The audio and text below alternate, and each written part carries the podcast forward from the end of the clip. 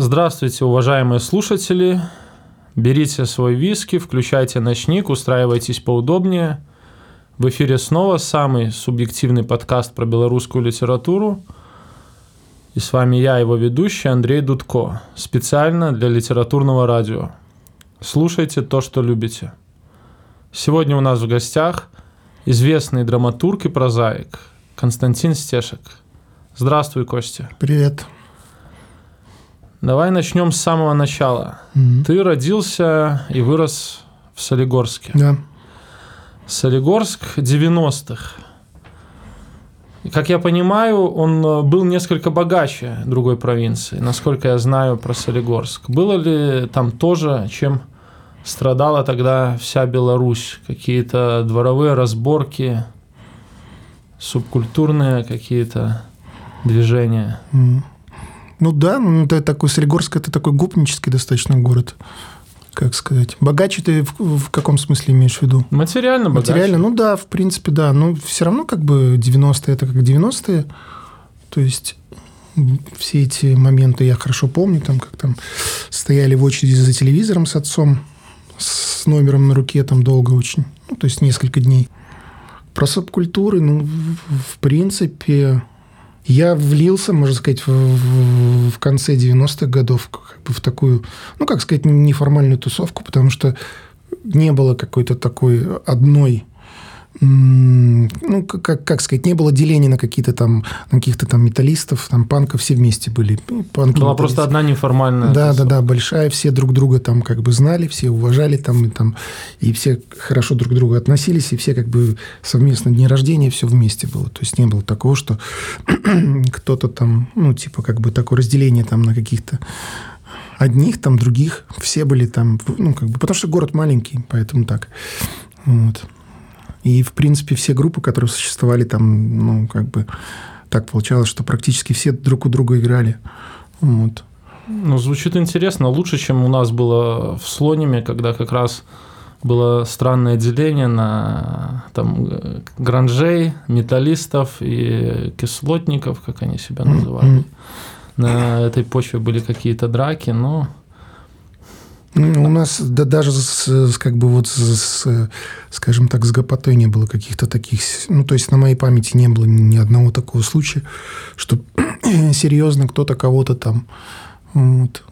Нет, мне один раз дали в голову, это было такое, да. То есть за значок с, с Кобейном. Вот. Я сознание потерял. Ну, вот. Но так, чтобы какие-то такие вещи, что там кто-то там... Ну, ну, легенды ходили, что там кто-то... где-то что-то Да, происходит. да, какие-то большие, большие какие-то стычки и все такое, но в целом такого не было ничего. Ты уже тогда читал? Ну да, Да. Ты с детства читаешь. ну, ну да. Ну, это типично для писателей. А э, какой литературой ты увлекался в те годы? Ну, я фантастику в основном читал, потому что, в принципе, э, э, как-то особо другое меня не интересовало. То есть, ну, брал в библиотеке там Стругацких, э, Хайнлайна, вся, ну, все, все такое. Вот у меня там были... э, Был любим, люб- любимый сам писатель Филипп Дик, вот, и братья Стругацкие. Ну, еще Стивен Кинг, как такой не, не совсем фантастика, а скорее такой, ну, то есть, ну, это были такие вот самые-самые. То есть, я всегда очень ждал, когда книжки появятся, то есть, чтобы купить все это дело. Вот. И уже потом, когда начал слушать группу «Гражданская оборона», э, выцеплял оттуда всякие названия, типа «Сто лет одиночества», вот это все. И уже читать начал те книжки, которые э, имели как бы, ну, где-то ци- цитировались у Летова там и так далее. То есть, Игра в бисер. ну да, все вот это вот. Да. Сходил в библиотеку, брал эти книжки. Вот. Что-то, может быть, и не дочитывал, потому что слишком было еще тогда для меня это как бы, ну, но тем, тем не менее. А интернета не было еще, вот не было информационного голода в Солигорске? Был, конечно. Был, не Да. хватало, да? чи- ну, вот Да, я, я, у меня были такие, как, ну, как сказать, поездки специальные в Минск для того, чтобы закупиться литературой. Там появился, появились первые книжки Пелевина, Сорокина. Вот я это даже не знаю вообще. Ну, информации же ноль, как бы нигде ты не можешь про это почитать. То есть э, ты ж не можешь, ну, как бы интернета нет, набрать в гугле ты не можешь, там, кто такой Сорокин, кто такой Пелевин, там. Просто на ярмарку на книжную приходишь, там, вот книжка, интересная обложка, да. так посмотрел внутри, вроде что-то не такое вот необычное. Голубое сало. Да, да, да, да. Вот я таки купил его. И потом прочел, конечно, был вообще впечатлен. То есть так. И Пелевин точно так же. Где-то как-то вот так вот на ярмарках какие-то книжки появлялись. Вот. Ну, в принципе, приезжал в Минск за книжками, за музыкой. То есть, потому что у нас этого было очень мало всего. Потому что город маленький, книжных всего три штуки. Все самое интересное там в, это, в этих книжных все, все всегда как бы покупал. То есть, все, что было, вся фантастика всякая. А такого более продвинутого чтива как бы и, и не было. И в каком году ты переехал в Минск уже э, основательно? В 99-м. В 99-м году. Угу. И что ты делал первые годы? Ты учился сразу где-то или уже работал? Я сначала вообще поступил на филфак. Вот, это было в 97 году. Проучился всего год, потом заболел. Академически мне не дали ну, были правила такие, что типа после первого года нельзя академически, не знаю, почему так было сделано, ну, сделано.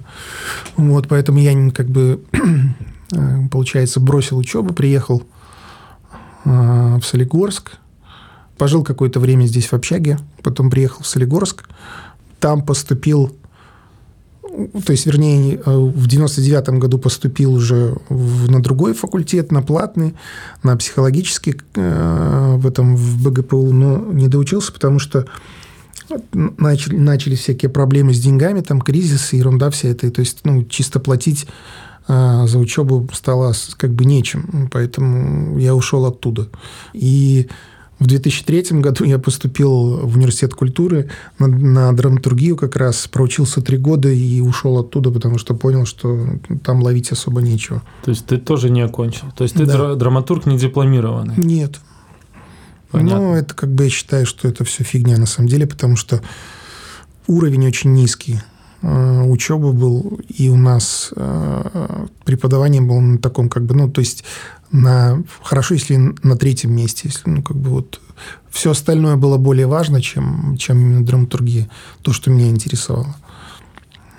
Э, где-то я нашел информацию, что ты писать начал в 15 лет. Ну да, это, это я учился просто в художке, и чисто наспор там с друзьями ну, дурачились. Вот, и типа и пос, поспорили, что типа стихи это фигня там. Я там говорю, я могу написать любое стихотворение без проблем, типа как бы, ну, наспор, типа, ну, то есть, и вот смотрите, я вам сейчас напишу. Вот. И как-то так получилось, что я наспор написал по приколу несколько стихотворений, а потом начал как бы, ну, стало интересно, как это делается. Ну, и вот я в основном стихи писал. Ну, как и все, наверное, да, начал со стихов. Ну, да.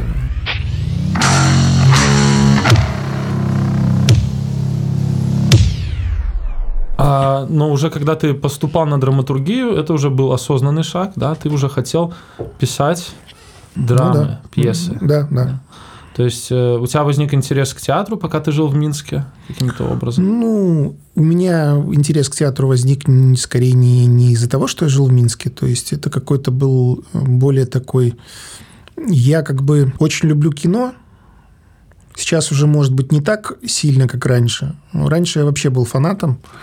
Вот, то есть я смотрел огромное количество фильмов, то есть у меня была огромная коллекция видеокассет со всякими фильмами ужасов там и так далее, так далее, так далее. Ну, всего там такого. То есть ты не только классику, но и всякие грайндхаус тоже? Да, да, да. Ну, вот все, все такое мне нравилось. В принципе, любое кино, которое вот ну, как вот есть, э, как говорят, что есть меломаны, которые там слушают все, да, так вот я смотрел, в принципе, все артхаус, и там какие-то фильмы, там, например, ну, ну предположим, Такеши Китана, вот, э, какие-то вот там Лючо Фульчи, там вот это вот, э, ну, все вот такое, то есть собирал, коллекционировал, у меня на стеллаже стояли как бы такие вот э, подборки там ужасов фильмы, там про зомби там отдельная там подборка.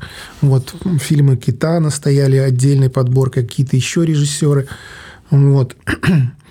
И мне просто было как бы всегда очень интересно, как это делать, как создавать э, историю какими-то такими э, достаточно скупыми средствами, да, то есть Потому что проза – это что-то такое, где ты можешь развернуться как хочешь, да, то есть там у тебя есть инструментарий более обширный, чем драматургия, потому что драматургия – это, в принципе, диалог, да, то есть э, это реплики, обмен репликами, и там э, как бы, ну, то есть достаточно бедный инструментарий по сравнению с прозой. Вот, и мне всегда было интересно, как это делается. Вот, поэтому я захотел пойти на кинодраматургию. Но когда я пришел в университет культуры, мне сказали, что в этом году кинодраматургии не набирают, а только театральную драматургию. Ну, я поступил на театральную драматургию, потому что мне это тоже было интересно, в принципе. То есть я не видел как бы какой-то существенной разницы, потому что и, и то, и то это драматургия. Вот, в принципе. То есть, ну, кинодраматургия, конечно, несколько отличается, но тем не менее.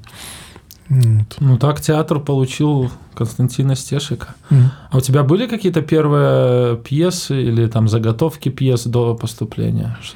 До поступления я что-то пробовал делать, писать, но из-за того, что я, в принципе, не понимал э, саму, как сказать, механику всего этого, да, то есть у меня не получалось, потому что ну, я не понимал, что как бы в основе всего как бы должен быть заложен конфликт, вот, ну, как бы разница интересов. Поэтому у меня как бы, я начинал писать, но у меня не развивалось ничего, то есть я не знал, как это развивать.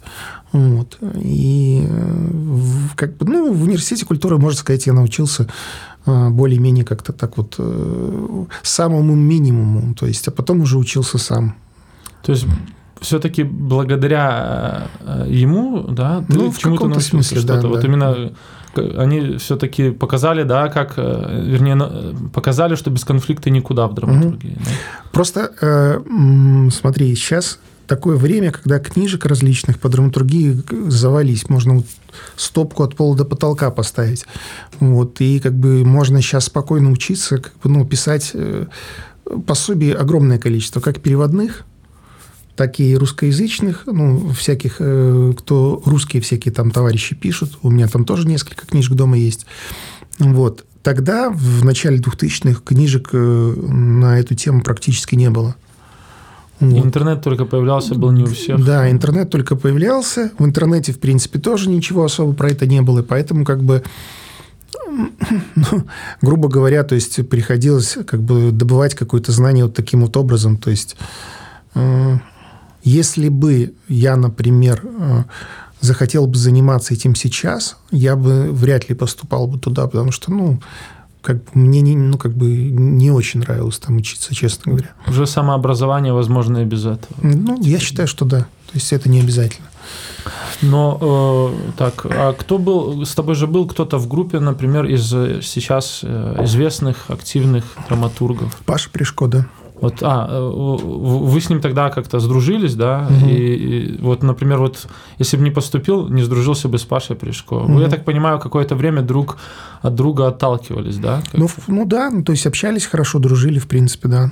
Ну, ну, сейчас Паш как бы живет как бы своей жизнью, я своей жизнью. То есть так получилось, что мы сейчас так особо не общаемся. Ну, и, и ничего страшного, так бывает. Ну да, не, ну э, не сказать, что вы как прям группа Битлз, потому что я вот смотрел как, э, кино Скорсезе про Джорджа Харрисона. Угу. Там Джордж Харрисон очень интересно рассказывал, как они были детьми, грубо говоря. Угу. И вот они занялись совместным творчеством, и, и они прям вот выросли, повзрослели, друг отталкиваясь от друга, от наработок друг друга. Вот. Угу. И можно ли сказать, что у вас с Пирожков какой-то был вот э, Э, подобный момент в жизни? Мы обменивались, в принципе, какой-то там литературой, да, то есть какими-то впечатлениями, какими-то вот фильмами там, ну, чисто, ну, фильмами не в том смысле, что физически, а вот, э, то есть рассказывали друг другу о том, что есть вот такое, такое, то есть он там приходил ко мне в гости, мы там что-то смотрели в гостях, там, на видеомагнитофоне, вот, э, то есть какой-то музыкой менялись. Ну, то есть вот постоянно как, как каким-то интеллектуальным багажом, то есть обменивались. Э, в, каком, в этом смысле, да, отталкивались.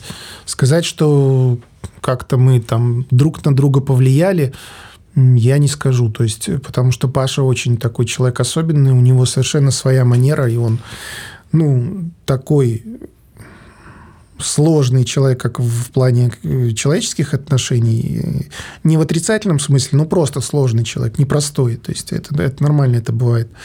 Также он как бы сложный в своем творчестве, то есть у него совершенно свое, то есть абсолютно свое. Мне зачастую то, что он делает, не близко, вот, хотя я как бы уважительно отношусь. Вот. Ну, просто это как бы не мое. То есть, ну, я ну, не то, что не понимаю, ну, то есть, как бы я вижу какие-то вещи по-другому, да, то есть э, драматургию, то есть в другом виде как бы представляю, да, то есть и поэтому вряд ли в творческом плане вряд ли мы отталкивались друг от друга, вот. Но был такой смешной эпизод, когда я завел Пашу практически за руку э, в эту в как это сказать филиал газеты «Комсомольская правда», ну, белорусский филиал он не хотел идти, там что-то он где-то занял какое-то место или что, я не помню. И о нем напечатали в газете. Это ему как бы такой толчок неплохой дало, то есть им заинтересовались там как бы. Вот. Пошла реакция в СМИ. Ну да, да, да. А можно сказать, вот тогда вокруг ваших действий, вокруг ваших пьес, благодаря, может, вашему присутствию, твоему в том числе, начал развиваться такой вот, то, что сейчас называют феноменом белорусской новой драмы. Сейчас объясню. Как устроено в, в той же России, да, с современной драматургией?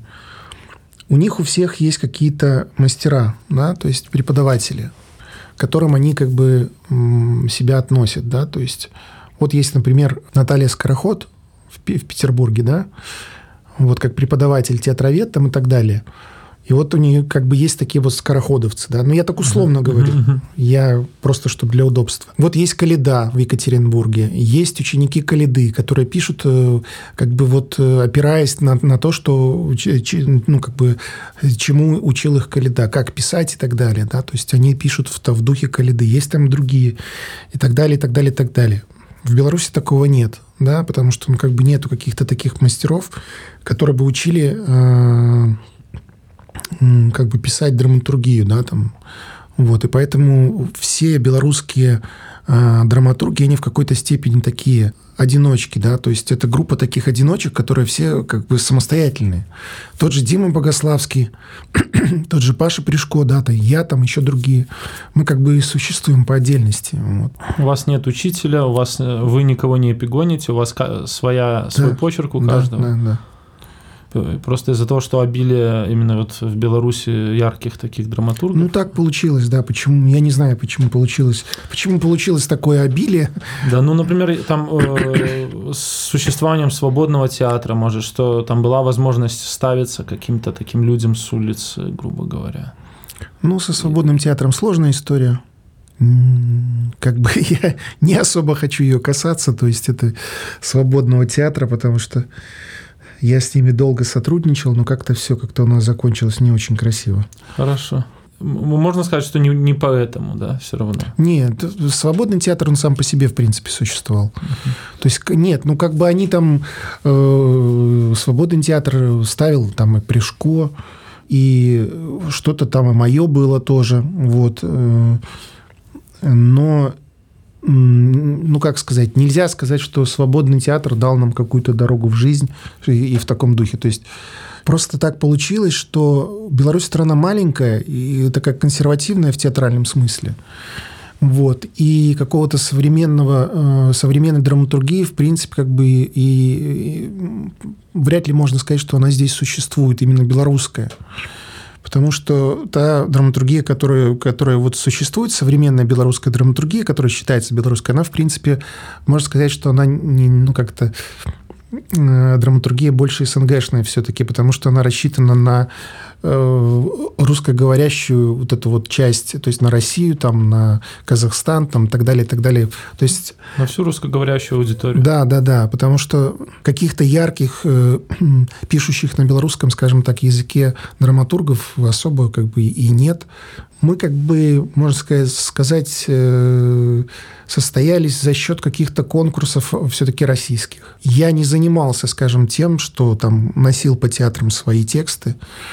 Ну, присылали просто вот, э, узнавали про какие-то конкурсы, про ту же Любимовку, про еще какие-то другие конкурсы. То есть у, у, мое как бы э, первое какое-то ну, мой первый раз, когда я состоялся как автор, то есть когда меня заметили, это вот когда я отослал э, пьесу маленькую свою, одну из первых, на конкурс Каледы, вот, Евразия. Вот, и она заняла там второе место. А это какая была, не мужчина, а женщина? Да, да, да, да, да. И тогда как, как-то я засветился в этом поле современной драматургии и начал как-то потихоньку прорастать, прорастать, вот как бы там туда-сюда, куда-то еще какие-то конкурсы, там еще где-то. Вот, и в конце концов, то есть что-то из этого начало получаться. Пошли какие-то постановки, ну, в основном в России, конечно. То есть, по сути, к вам, как к какой-то группе, даже условной, э, внимания нет. Вы все равно одиночки, действуете как одиночки.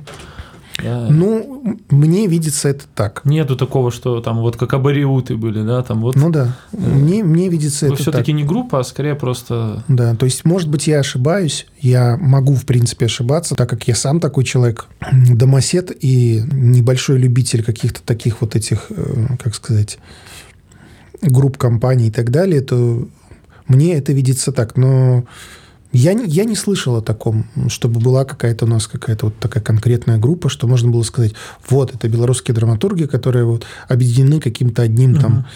То есть вот у них есть даже какое-то там, грубо говоря, помещение или что-нибудь еще, и там есть что-то в РТБД, вот этот вот э, такое маленькое движение вот этого белорусской современной драматургии, как же оно называется? Господи, там это маленькая сцена, есть малая сцена. Там бывает проводятся читки различные. Вот. Но это все равно нельзя считать как бы каким-то таким, ну, что вокруг этого как-то что-то происходит такое серьезное, как бы что, что есть какое-то движение, да, то есть что есть какие-то вот люди, которые является какой-то вот конкретной такой группой, которая ну, за, за, заточены как на, на, одну, на одно какое-то направление. Такого я, по крайней мере, такого не чувствую. Ясно.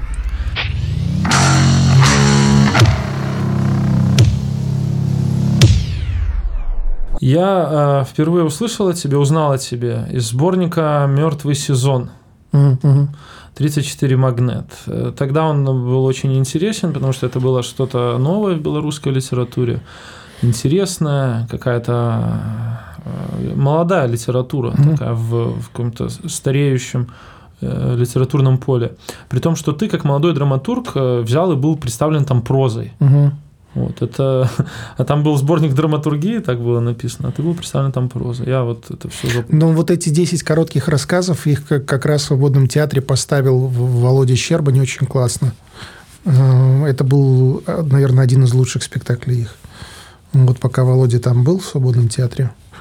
Вот он, это был, ну, по крайней мере, мой любимый спектакль не потому, что это как бы мой текст, а просто как спектакль.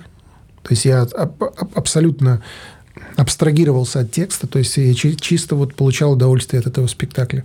Ну, вот про эту грань, э, на которой ты работаешь между прозой и драматургией, угу. мы еще поговорим, угу. потому что к прозе придем. Да, до этого был сборник еще «Поколение джинс», я какой-то нашел, но я его э, упустил из вида. Это «Свободного театра» сборник, А, да. это они выпускали, угу. да. Угу. Вот, а в какой момент ты понял, что ты превратил... Ты вот был момент что-то, когда ты понял, что превратился из начинающего молодого драматурга уже в такого состоявшегося, успешного? Я считаю так, что если я э, когда-то решу что я состоявшийся кто-то, то я уже и закончусь в этом, в этом отношении. Да? То есть я никогда не считаю, что я кто-то состоявшийся. Ты не из тех авторов, кто завоевывает какое-то пространство и на нем потом обитает. Не, ну, я просто, как, мне все эти, как сказать, наклеечки, ярлычки совершенно как бы пофиг, потому что ну, мне неинтересно. То есть я мне не, как, как сказать, я не сижу там и не думаю, вот я там, там драматург, вот я писатель, я там поэт там, или еще кто-то. Ну, просто как бы, ну, мне даже как-то, когда говорят, вот, вот этот человек, вот он драматург, мне как-то так, потому что это такая, ну, рамочка очень узенькая, в которую тебя замыкают, и как-то люди начинают к тебе относиться соответственно, то есть каким-то образом таким ну, то есть меня не только же драматургия интересует, меня очень много чего интересует, и как бы я живу не только этим. Поэтому я считаю, ну, мне, как бы у меня получается лучше всего писать драматургически, как бы, ну, драматургию, да, то есть пьесы, поэтому я этим занимаюсь. Можно сказать, что я больше, в принципе, ничего не умею, да, то есть э, такого, как бы я мог бы заниматься чем-то другим, вот, э, но я не хочу, потому что мне не нравится, да, там, а, а вот это мне очень сильно нравится. Я стремлюсь к тому, чтобы зарабатывать э, тем, что мне нравится, как бы деньги и на это жить, вот, и пока получается. То есть э, сейчас ты зарабатываешь литературой? Да. Отлично. А, ты можешь сказать, 10 лет назад или 15 лет назад интерес к этому явлению, к драматургии, ну, к театру больше был или меньше? Или так же? У кого? У меня? Нет, нет, у людей, у публики а. как-то. Да черт его знает. Я как-то как я не занимался вот этим вот перепросмотром всего этого прошлого. То есть как-то я не циклюсь на этом, на том, что было. Может, и был больше интерес. Вот. Ну, я, я говорил уже, что я такой домосед, и я небольшой любитель каких-то компаний, всего вот этого, каких-то мероприятий. Обычно даже вот на той же Любимовке у меня всегда вот этот вот если я каким-то образом там выстреливаю и начинается обсуждение э, моего текста, с моей стороны всегда происходит определенный перформанс, когда мне задают вопросы, я отвечаю там какими-то совершенно односложными, там, типа, да или нет, там, ну, то есть это уже все об этом знают. Я не, небольшой любитель вот этой всей движухи и всего этого, как бы, как сказать, э, какое-то слово есть хорошее. А, ну, вот это вот ну, тусовки все тусовки, этой. Да. да, то есть я... Около литературы. Это да, все. да. Я как бы мне интересно заниматься э, театром внутри театра, а не вот этой вот возней вокруг.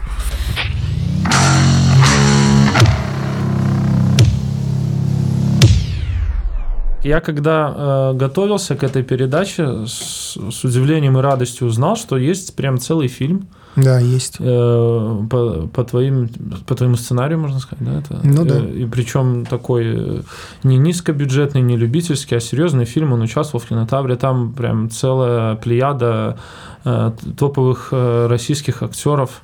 Это угу. фильм «Диалоги». Угу. Я узнал там э, две твоих пьесы «Мужчина, женщина, пистолет» и «Кратковременная». Угу. Наверное, это все, да, из каких-то твоих пьес? Да, это э, фильм состоит из как бы э, подборки моих коротких пьес. Я раньше просто, ну, в первое время писал почему-то короткие вещи. Такой формат мне был удобен, то есть я мог его осиливать, то есть а это уже потом научился писать какие-то большие вещи. Вот. Ира Волкова, режиссер, ей, ей очень нравится то, что я делаю. Э, решила снять фильм.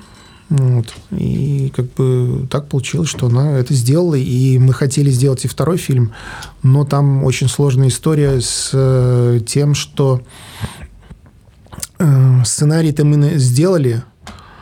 Сценарий по пьесе «Летели качели». У меня есть такая пьеса, вот, мы сделали сценарий. Этот э, фильм «Полетели качели» по, по этой пьесе должен был снимать э, режиссер Дмитрий Брусникин. Московский режиссер, яркий режиссер, о котором много как бы говорят, говорили и так, ну, как бы. И, к сожалению, просто так получилось, что он умер. Прям как-то так вышло, совпало. И так вышло, что по контракту, то есть, который мы заключили, то есть я заключил с не особо разбираясь во всех этих тонкостях юридических, с той продюсерской фирмой, которая собиралась сопровождать, ну, как бы все это дело, да, съемки этого фильма, вышло так, что у меня э, на этот сценарий э, прав как бы нет. Ира Волкова хотела выкупить его, этот сценарий, у них как бы права на сценарий. Но у них по, по, по контракту, получается, они могут бесконечно продлять, ну, то есть они могут владеть им сколько захотят. То есть срок э, вот этого вот э, обладания этим, э, ну, как бы правами, они могут его продлевать там был подписан не очень грамотно контракт, да? Ну да, потому что я не разбирался в этих юридических тонкостях, вот, и поэтому так вот профукал по сути. То есть э, так бы Ира Волкова снимала бы э, фильм уже полнометражный, ну, такой, не состоящий из коротких историй. А, Полноценная одна да, история. Да. Ну, неприятная ситуация. Надеюсь, фильм все-таки выйдет. Может быть. Ситуация разрешится. Мы очень ждем. А как ты вообще сам э, вот фильмом «Диалоги» доволен? Тебе интересно было увидеть это все именно... Ну, театр — это все-таки явление Мгм. здесь и сейчас. Мгм. А фильм вот уже как бы такой навсегда. Мгм. Вот это такое окаменение. Да, хороший. М, В принципе, то есть я не скажу, что это такое совсем мое кино, вот, но, но он не фальшивый, это главное. То есть он получился такой очень какой-то искренний. И для меня это, ну, то есть важно. Я отмечу еще, как бы так похвастаюсь, что в Чебоксарах, по-моему, в 2014 году был фестиваль э, такого кино, которое э, имело отношение вообще к, ну, России, к, к- малым народам и так далее. То есть там самые, самые разные такие фильмы были там игровые. Наше кино на этом фестивале там несколько даже призов ну, как бы заработало. За сценарий, вот, за главные роли. То есть, ну, получили несколько призов. Даже вручала мне... Обычно ездят режиссеры, но у Иры Волковой тогда не получалось поехать. И поехал я. Вот. И мне там эти призы вручала Инна Чурикова. То есть, как неудивительно. То есть, ну, просто такой момент интересный. Приятно. Ну, да. Просто, ну, и- интересно, в общем. Необычно. Вот вопрос немного не в тему, чуть-чуть в бок, но вот э, ты любишь э, в кино экранизации книжек? Нет, Нет. нет. Да. Я считаю, что очень редко удается, когда сделать что-то э, качественное в этом ключе. Ну, хотя сейчас, в принципе, м, с развитием вообще вот этой сериальной культуры есть возможность того, что начнут снимать, м, как бы, как сказать, не отклоняясь от курса, то есть, ну, то есть вот взяли книгу и сняли так, как там написано, потому что у вас есть огромное как бы время, чтобы, ну, как бы вот много-много серий. Вот. И надежда такая есть, что могут по хорошим книжкам, в принципе, снимать хорошее кино многосерийное, но не знаю, на, ну, э, на американское кино у меня на- надежды в этом плане нет, но, может быть, кто-то сможет вот, в этом ключе экранизации делать более качественные. Ясно, потому что у меня мнение вот э, ровно такое же. Я всегда как-то... Книга лучше, да. Книга всегда лучше, особенно когда по хорошей книге начинают снимать кино. Оно иногда может получиться по плохой книге, а вот по хорошей они все не Ну получаются. да, да, да. Я хотел узнать, как драматурги на это смотрят. Так, а э, помимо сценарной работы, вообще вот в театрах ты участвовал в роли постановщика? У меня была когда-то такая проба не, э, как бы не совсем постановщика. А, В Питере мы с Натальей Лапиной, режиссером, э, вместе работали над моим текстом. Я, это было в 2013 году, я приехал в Питер, и как бы она сказала, что давай попробуем из твоего текста сделать что-то такое. Вот, то есть, э, вот текст как бы хороший, но давай его перепишем. Вот. Ну, после этого я зарекся да, да, в таком участвовать, потому что, ну, это все-таки совсем не мое.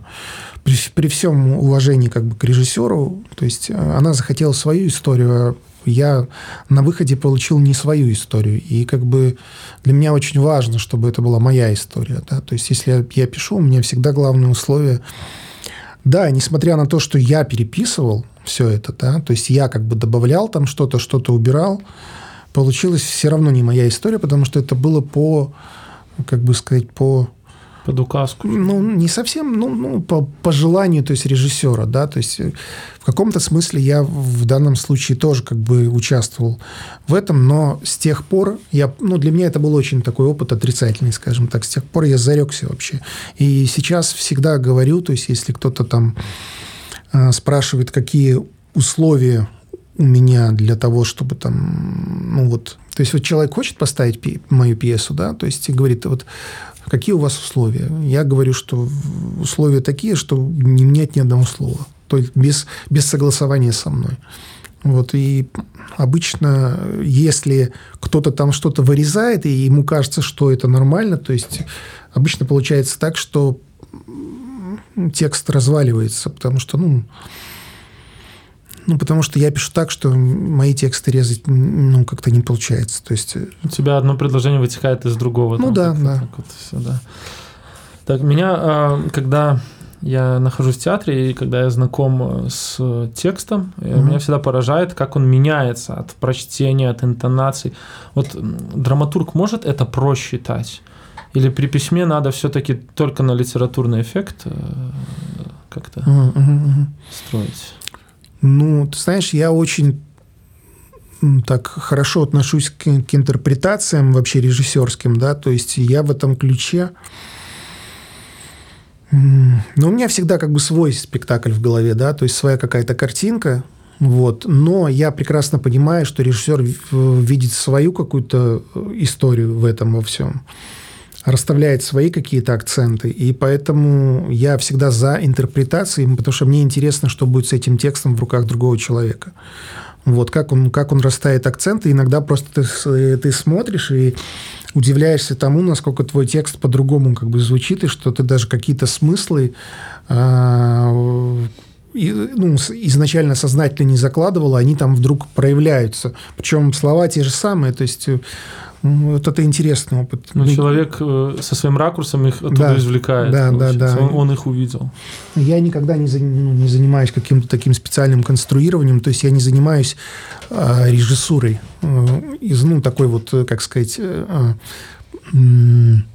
когда я пишу, я просто пишу. Я не занимаюсь придумыванием спектакля, то есть будущего, который как бы должен быть. То есть я просто пишу текст. Сюда литературно. Да.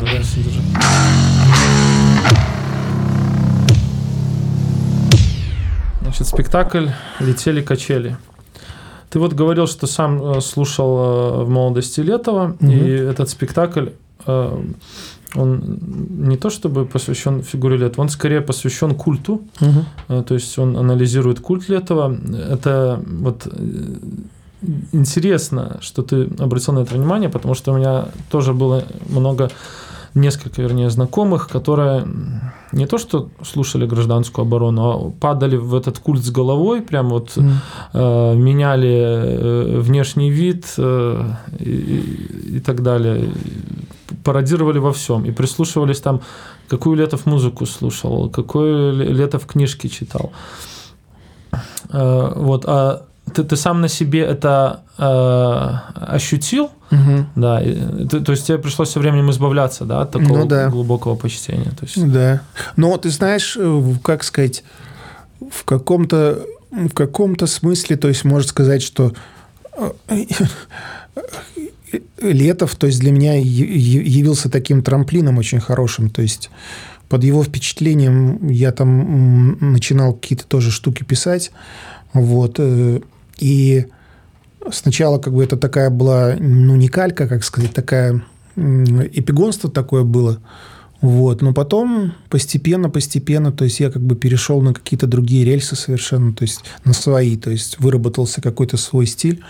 Вот. То есть я считаю, что это очень хорошо. То есть я, я считаю вообще, что человек пишущий, он, можно сказать, вырастает, вот э, становясь на, на плечи каких-то таких вот гигантов, мы все как бы растем, ну, мне кажется, я все-таки так считаю, через какое-то подражание вот это вот, то есть то есть как, как ребенок э, подражает родителям, есть же такая фишка, что воспитывать бесполезно, э, ребенок воспринимает пример. То есть как ты себя ведешь, так и твой ребенок тебя будет вести, ну, себя вести. Да? То есть если ты там пьешь, куришь, то и он как бы есть вероятность, что так будет потом в будущем жить. Ну, то, то есть я условно очень так говорю. Вот. И я считаю, что в творчестве в принципе тоже. То есть есть какие-то вот такие фигуры, на плечах которых как бы э, потом как бы другие великие фигуры вырастают, да, то есть э, и это такая как бы э, преемственность очень-очень такая хорошая, я считаю. считаю. Я не вижу в этом ничего зазорного, считаю, что это очень здорово, что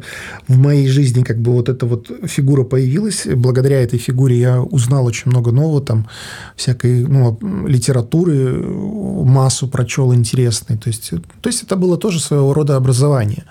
Вот, то есть э, такое другое немножко образование, но, но все-таки оно. Вот и музыкальное, и и литературное образование, и в каком-то смысле образование такое вот, и кинообразование, потому что, ну, вот, где-то интервью какое-то прочитаешь, уже вот интересно, хочется там то-то посмотреть, то-то, это послушать. Вот, то есть, э, ну да, была, была, было какое-то такое, знаешь, как сказать, и, и фотки висели на стене, вот, и там... Э, но это как бы со временем, конечно, все это прошло, но, в принципе, я как бы считаю, что этот э, человек в моей как бы жизни такую роль серьезную достаточно сыграл. То есть... Ну, это вообще машина для творчества. Я не знаю, скольких людей он побудил к творчеству. Mm-hmm. Это вот это может еще важнее э, конкретно его творчество, потому что mm-hmm. кого не посмотришь, наше плюс-минус поколение, там я смотрел вот э, интервью с лидером группы Short Paris, он mm-hmm. говорит, там вот я э, вот тоже Летова там в детстве слушал, без него ну, я бы не занимался. Вот. И так это вот как такой каскад такая, получил, отдай, как... Mm-hmm. Ну, э, если вот э, ты ну, не убил, скажем так, э, своего учителя, а преодолел влияние, так ограничил его, чтобы дальше самому развиваться, просто иногда... Я не то чтобы преодолел, понимаешь, это, это, это не было сознательное усилие, это просто произошло само по себе. Я просто как бы вырос. Вырос. Да. То ну, есть...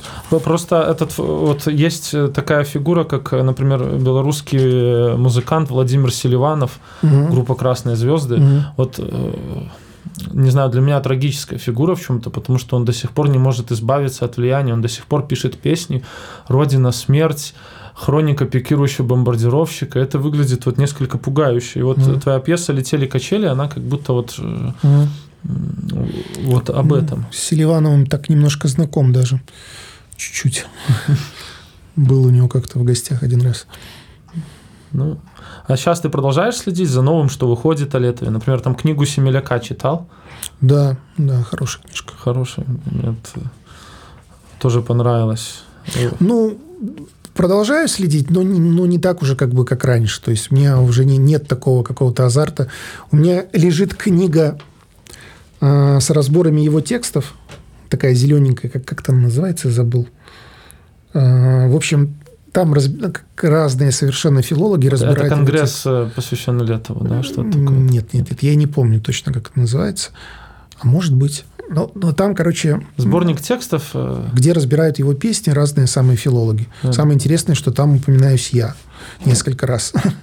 И моя пьеса. А, «Летели качели». Да, вот да. Уже, уже связывают как-то. Да, да, да.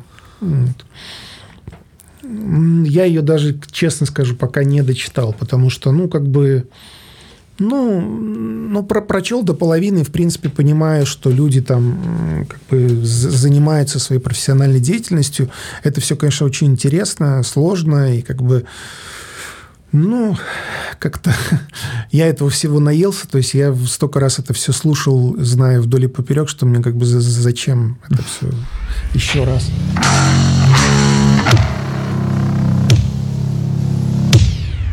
В твоих пьесах много сильных эмоций, например, или не знаю, состояний необычных, например, там состояние бессмысленности бытия, героев и так далее. Ты сам испытываешь все эти эмоции? Или ты как творец, э, как-то как конструктор их используешь для создания э, чего-то другого? Я, наверное, знаешь, как отвечу? Я обычно, когда пишу какой-то текст, я в большей степени занимаюсь тем, что отвечаю сам себе на какие-то вопросы. То есть это такое через драматургический текст как бы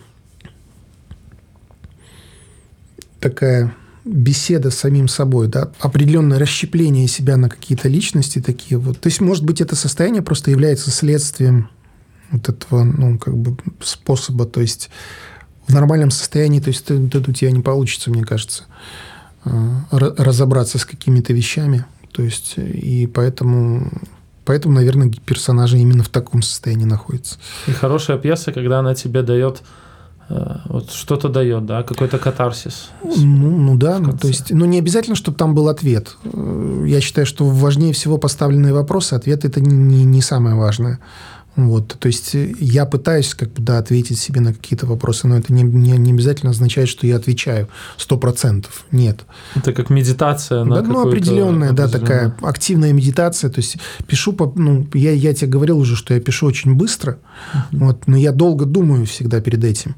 То есть я некоторые пьесы, то есть можно сказать, если брать в совокупности всю работу, не просто вот как бы набор текста, а вообще вот э, начиная как бы от идеи, да, заканчивая э, реализацией конечной, то меня иногда вот занимает там по 10 лет, да, то есть вот я вот эту какую-то идею, 10 лет там, например, с ней как бы хожу, пока в конце концов я не нахожу какой-то ключик к этой идее, чтобы сесть и это все дело записать.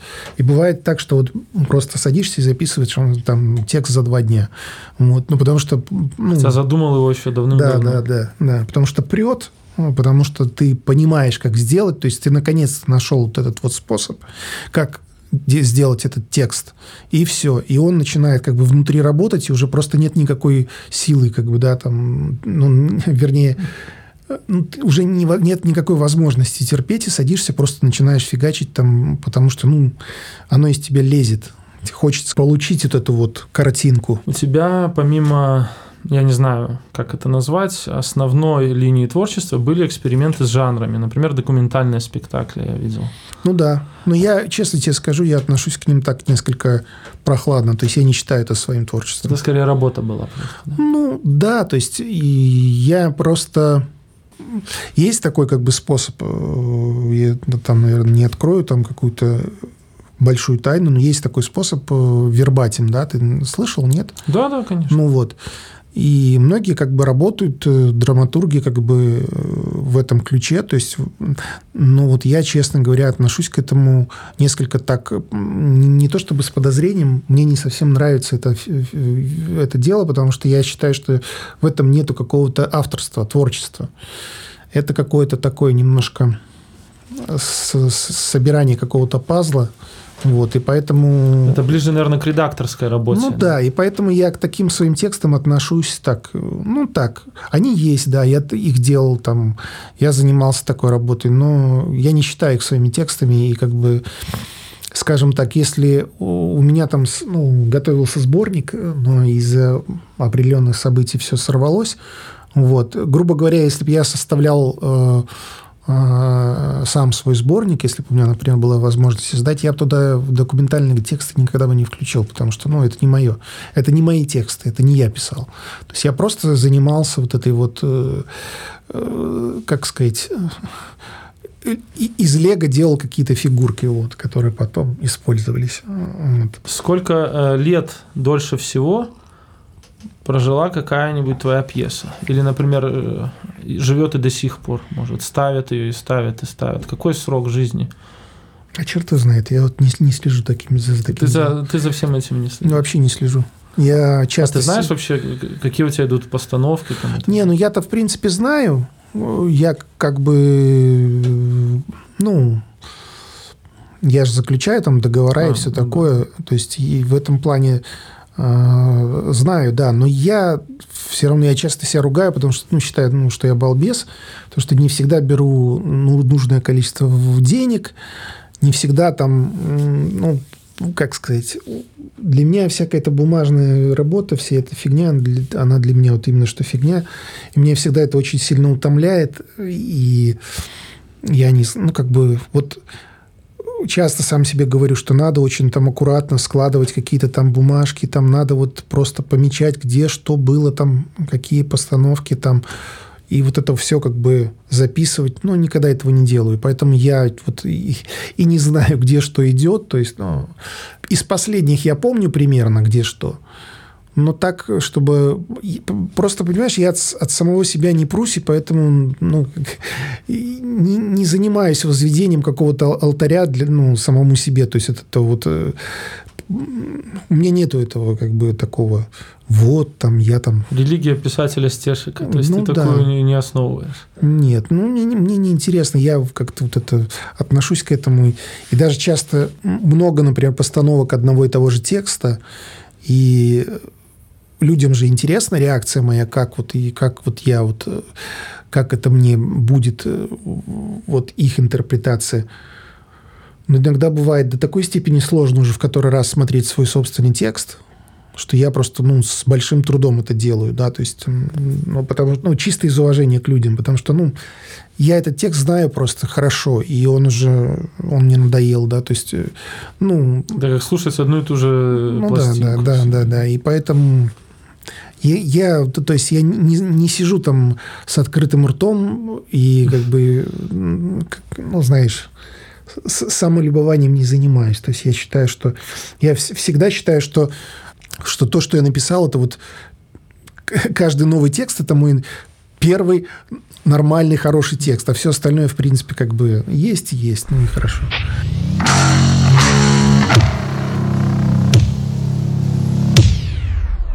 У тебя были переводы на другие языки, кроме белорусского? Были. Э, переводы они были как э, в каких-то журналах, э, сборниках драматургии или да, да, да. да? А угу. постановки были на других языках? Сейчас про переводы скажу. На польский, на эстонский, потом, по-моему, на славянский, на французский. Были постановки в других странах, в Эстонии, Финляндии, значит, значит и на финском тоже было. Вот, где еще? В Германии, это еще со свободным театром, то значит это был перевод на немецкий язык. Польский это сборники. Ну да, есть. Ну, но я тоже, опять же, я как бы... Это из той же оперы. Ну да, я не, не особо слежу. И, то есть ну, стоят у меня сборники эти, думаю, ну, стоят хорошо, да. А ты читаешь какую-нибудь э, новую западную там драматургию? Нет. Страну? Нет? Я вообще драматургию другую не читаю принципиально.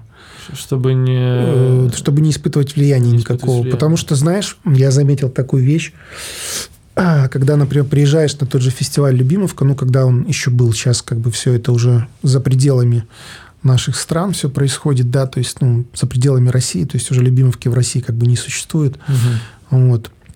Но раньше, когда приезжаешь, и вот ты смотришь вот эти читки, и такое ощущение, что это такой один огромный большой текст.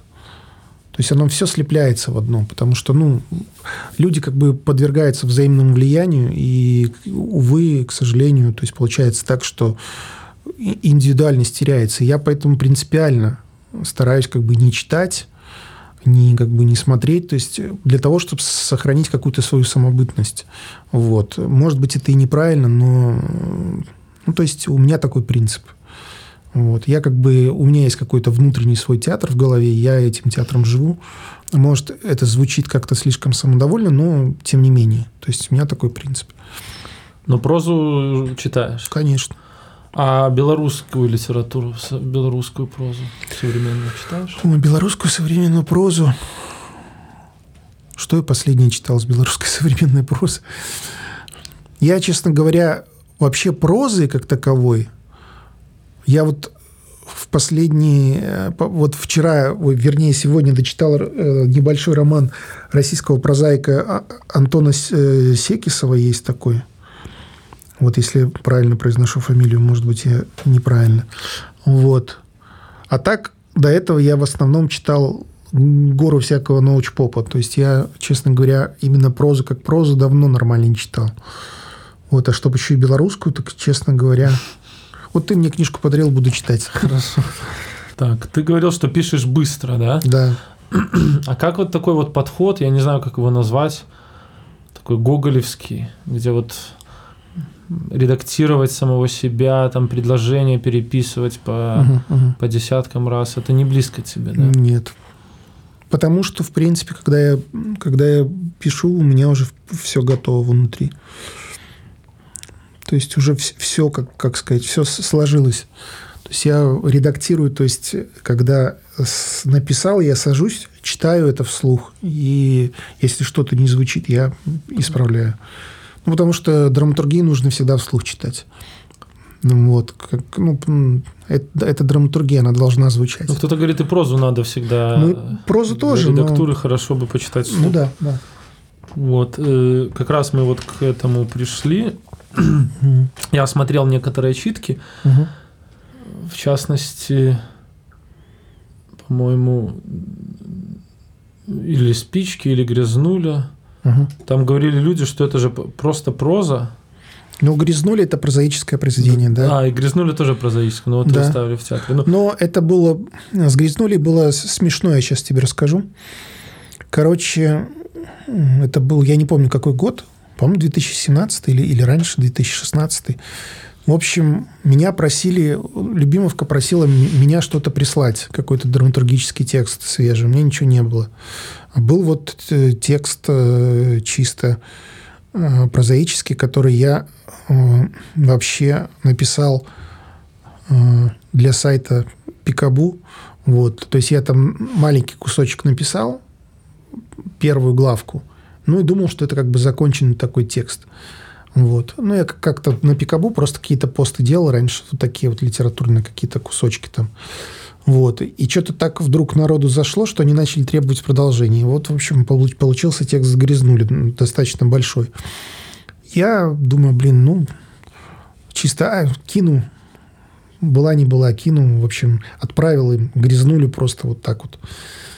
Ну, не получится, так не получится. Ничего страшного. И внезапно я как бы узнаю, что как грязнули-то как раз-то и сработало. То есть, то есть ее и захотели как она выглядит как экспериментальная моно... ну, монодрама. вот да, да. Ее и поставили, по- ее ставили в Тюмени, ее ставили в Ростове-на-Дону, ее ставили в Москве. Иван Комаров ставил очень хороший спектакль в ЦИМе, в центре имени Мерхольда. Вот, то есть, э, тем не менее, то есть, ну, получился очень такой Я смотрел обсуждения, люди обсуждали, как у тебя драматический саспенс там постоянно меняется, нарастает и так далее. То есть они все это воспринимали с точки зрения драматургии. И я вот, когда вышла твоя первая книга «Сердце горбуна», я теперь уже на нее смотрю, как выросшая из твоей драматургии прозу, которую, вот, например, почему тогда не создать э, моноспектакль, где выйдет человек и будет читать э, «Сердце горбуна». Ну, уже есть как, как бы предложение, то есть уже есть заинтересованные люди в этом. А, вот Режиссер один мне написал, попросил прислать, потому что физические книжки кончились. Вот. А он хотел купить. А, в общем, я ему отправил электронную версию. Вот он хоть хочет что-то с этим сделать, поставить как, как бы спектакль по этому. Я просто в Челябинске прошлым летом был. Вот, и там была читка моей пьесы «Друг мой», которая в итоге сейчас вот как раз в эти дни в Челябинске выходит спектакль по, по этой пьесе. И там же я читал отрывки из «Сердца горбуна». То есть в качестве... Мне как бы так прикольно получилось. Организаторы говорят, «Э, что у вас там есть там, мол, интересного там прочитать? Я говорю, вот есть у меня роман. Вот. То есть, э, и мне говорят, а вы не хотите там, типа, самостоятельно там прочесть? Я говорю, почему нет? И вот так получилось, что я читал отрывки, два отрывка прочитал, очень хорошо приняли люди. Вот. мы вот обсуждали Летова, а знаешь, что мне «Сердце горбуна» напомнило? Оргазм Нострадамуса. Ну, вот, кстати, да, есть у них хороший, хороший клип. Где они с горбами бегают. веселые ребята, Да. где они там вот это вот э, в каком-то смысле можно сказать, что э, этот э, и оргазм Нострадамуса, и этот э, вот этот конкретно этот клип, и вот эти еще вот есть песня там про трамвай, Угон трамвая. да, угон трамвая. В каком-то смысле оргазм Нострадамуса, можно сказать, был такой, как бы это выразиться, э, не то чтобы повлиял на, а референсом таким был. Вот, то есть я как бы немножко как бы впечатлялся тоже и, и Брал эту эстетику и, Да, да, да, да, да, и да. раздувал. да. да, потому что мне Там очень близко все вот это. Алеша Почемучка песня там. да, От чего растут горбы, от чего кладут в гробы. вот, вот, вот, да. Вот. Это вся вот эта эстетика мне очень как бы интересна и ну то есть нравится вся эта штука. Вот. Какая-то такая вот помесь каких-то детских страшилок и чего-то еще такого вот. Все эти бабки страшные, все, все вот это вот из детства. Когда в, де- в детстве же были такие, как поверье, по крайней мере, у нас в Солигорске, что если идешь мимо старухи какой-нибудь, то надо прятать, короче, пальцы в карманы и, и, и зубы ей не показывать, потому что она пересчитает, и тогда ты умрешь. Вот. Я первый раз слышу это. Но у нас такое было. Так, сейчас не вопрос, я просто отмечу, что угу. лучшие книги э, белорусской прозы сейчас остаются неизданными. Это «Звезда и вор» Константина Чарухина, э, некоторые романы Андрея Адамовича и твой роман «Каждый охотник», угу. который мне особенно понравился. Угу. Вот он просто дышит какой-то дворовой эзотерикой. Я угу. не знаю, как будто вот мальчишка пошел гулять по маленькому городу ночному, и какой-то фрактал такой мечты, такой фантазии, э, очень буйной. Угу. И желаю роману все-таки издания. И Я бы хотел, да. Хорошей судьбы в дальнейшем. Ну, вот то издательство, которое «Сердце Горбуна» из, как бы, ну, выпустило, они хотят мои рассказы сделать. Я вот сейчас все никак не могу засесть просто за редактуру своих рассказов старых. Там и «Грязнуля», наверное, будет, и все вот это вот. То есть и родные и близкие вот этот цикл, который был в, сезоне. Да, вот и сяду, может быть, выйдет вторая книжка у них моя чисто рассказов, может быть и роман потом. Будем ждать. Если получится, конечно, вся эта, конечно, ситуация очень сложная, современная. То есть сейчас это все так непросто. Э, где-то я нашел, что тебя отно, отнесли в какой-то, а, в монографии про русскоязычный театр Беларуси. Угу. Вот я даже открывал. Тебя отнесли к постреалистам. Ты, ты не знаешь, что это такое. Вот я, я и хотел спросить. Мне тоже стало странно. Ну, в монографиях можно писать все, что угодно. Ну да, я не знаю, что такое постреализм. Я себя ни к чему не отношу. Я, не, я как бы не занимаюсь самоизучением вот этим вот, то есть, ну, как бы не могу сказать, в, каком, в каких я жанрах пишу, э, как бы, и так далее. То есть, у меня нет этого такого, как бы, типа, я там вот такой, я там секой.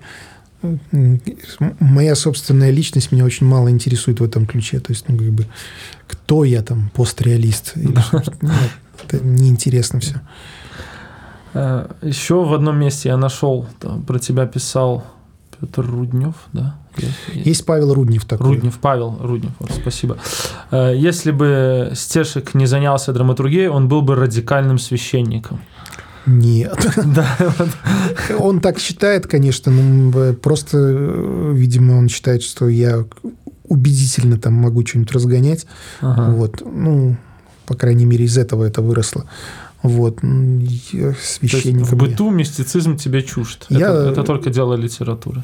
Я, да, я это вообще полностью атеист. И как бы я же говорил, что читаю гору всякого научпопа, всякие угу, книжки угу. про квантовую физику и про все это. То есть мне это мне нравится, мне нравится это в литературе, потому что вот, ну, это какая-то игра ума. То есть это я, радикальная фантастика. Такая. Да, да. Я не считаю, что ну, как бы вся, вся эта штука, то есть она вот в литературе, то есть мне нравится, да, то есть вот когда это есть.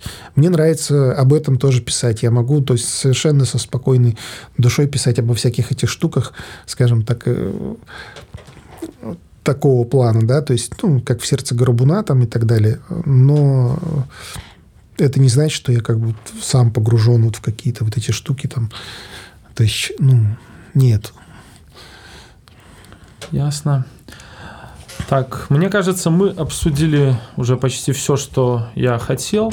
Большое спасибо тебе за разговор. Он был очень интересный, мне кажется, содержательный. Э, последний вопрос такой. Если вдруг я напишу пьесу, куда угу. ты мне посоветуешь ее слать?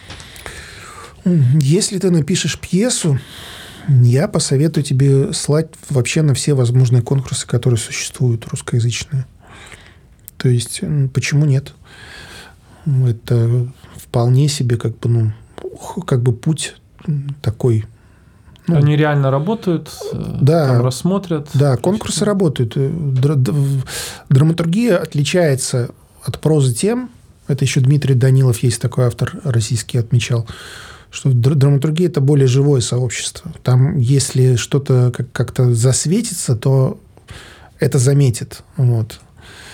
И, ну, то есть конкурсы реально работают. Просто как ходить по театрам и раздавать свои тексты, это не совсем такой... Там у них горы лежат этого всего. Они это не читают, завлит этим всем не занимаются. Вот, поэтому как бы это бессмысленные совершенно такие вещи. Поэтому я советую заняться именно конкурсами. Есть там действующие лица, есть Любимовка, есть Ремарка, что там еще? Куча, короче, всего есть. В Беларуси конкурс есть как раз от РТБД. Я не помню, как он называется, честно скажу. Но он тоже есть. Белорусский конкурс. Но там э, тексты должны быть только на белорусском языке, насколько я знаю. Не знаю. Может быть. Я посылал свою, по-моему, пьесу какую-то на русском языке. А, и она участвовала в конкурсе. Да, вроде бы. Ясно. И, честно говоря, уже не помню. Так точно не скажу. Хорошо, спасибо большое, Спасибо Костя. тебе. До свидания. С нами До был свидания. Константин Стешек специально для литературного радио. Супер